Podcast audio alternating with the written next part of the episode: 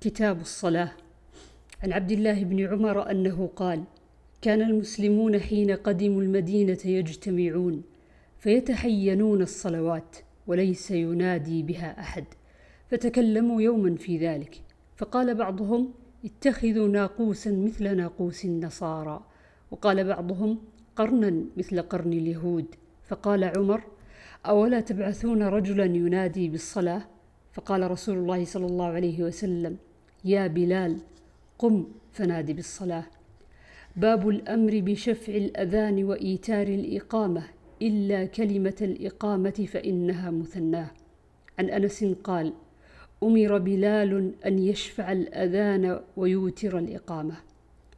وعنه قال: ذكروا أن يعلموا وقت الصلاة بشيء يعرفونه، فذكروا أن ينوروا نارا أو يضربوا ناقوسا فأمر بلال أن يشفع الأذان ويوتر الإقامة.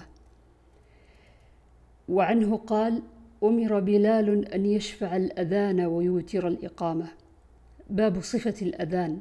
عن أبي محذورة أن النبي الله صلى الله عليه وسلم علمه هذا الأذان الله أكبر الله أكبر أشهد أن لا إله إلا الله.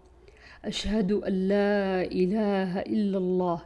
أشهد أن محمد رسول الله أشهد أن محمد رسول الله ثم يعود فيقول أشهد أن لا إله إلا الله. مرتين.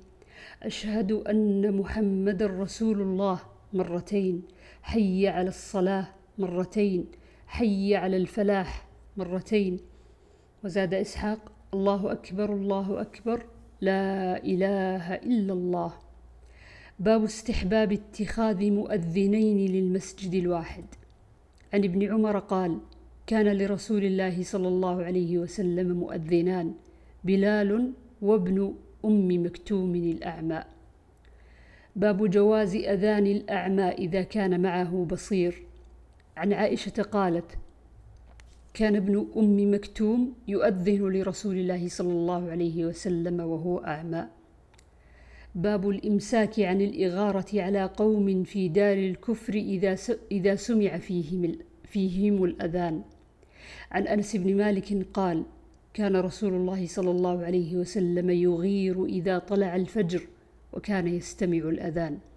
فإن سمع أذانا أمسك وإلا اغار فسمع رجلا يقول الله أكبر الله أكبر. فقال رسول الله صلى الله عليه وسلم على الفطرة.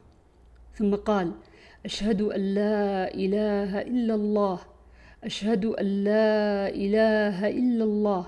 فقال رسول الله صلى الله عليه وسلم خرجت من النار فنظروا فإذا هو راعي معزى. باب استحباب القول مثل قول المؤذن لمن سمعه ثم يصلي على النبي صلى الله عليه وسلم ثم يسأل الله له الوسيلة. عن أبي سعيد الخدري أن رسول الله صلى الله عليه وسلم قال إذا سمعتم النداء فقولوا مثل ما يقول المؤذن. وعن عبد الله بن عمرو بن العاص أنه سمع النبي صلى الله عليه وسلم يقول إذا سمعتم المؤذن فقولوا مثل ما يقول. ثم صلوا علي فإنه من صلى علي صلاة صلى الله عليه بها عشرا اللهم صل وسلم على نبينا محمد. ثم سلوا الله لي الوسيلة فإنها منزلة في الجنة لا تنبغي إلا لعبد من عباد الله. وأرجو أن أكون أنا هو فمن سأل لي الوسيلة حلت عليه الشفاعة. وعن عمر بن الخطاب قال قال رسول الله صلى الله عليه وسلم إذا قال المؤذن الله أكبر الله أكبر. فقال أحدكم الله أكبر الله أكبر. ثم قال أشهد أن لا إله إلا الله. قال أشهد أن لا إله إلا الله.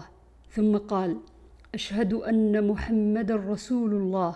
قال أشهد أن محمدا رسول الله. ثم قال حي على الصلاة. قال لا حول ولا قوة إلا بالله. ثم قال حي على الفلاح.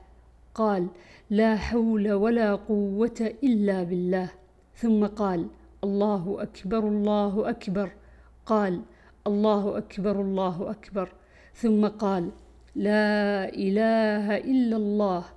قال لا إله إلا الله. من قلبه دخل الجنة. عن سعد بن أبي وقاص عن رسول الله صلى الله عليه وسلم أنه قال من قال حين يسمع المؤذن أشهد أن لا إله إلا الله وحده لا شريك له وأن محمدا عبده ورسوله رضيت بالله ربا وبالإسلام دينا وبمحمد صلى الله عليه وسلم رسولا. رضيت بالله ربا وبمحمد رسولا وبالإسلام دينا غفر له ذنبه.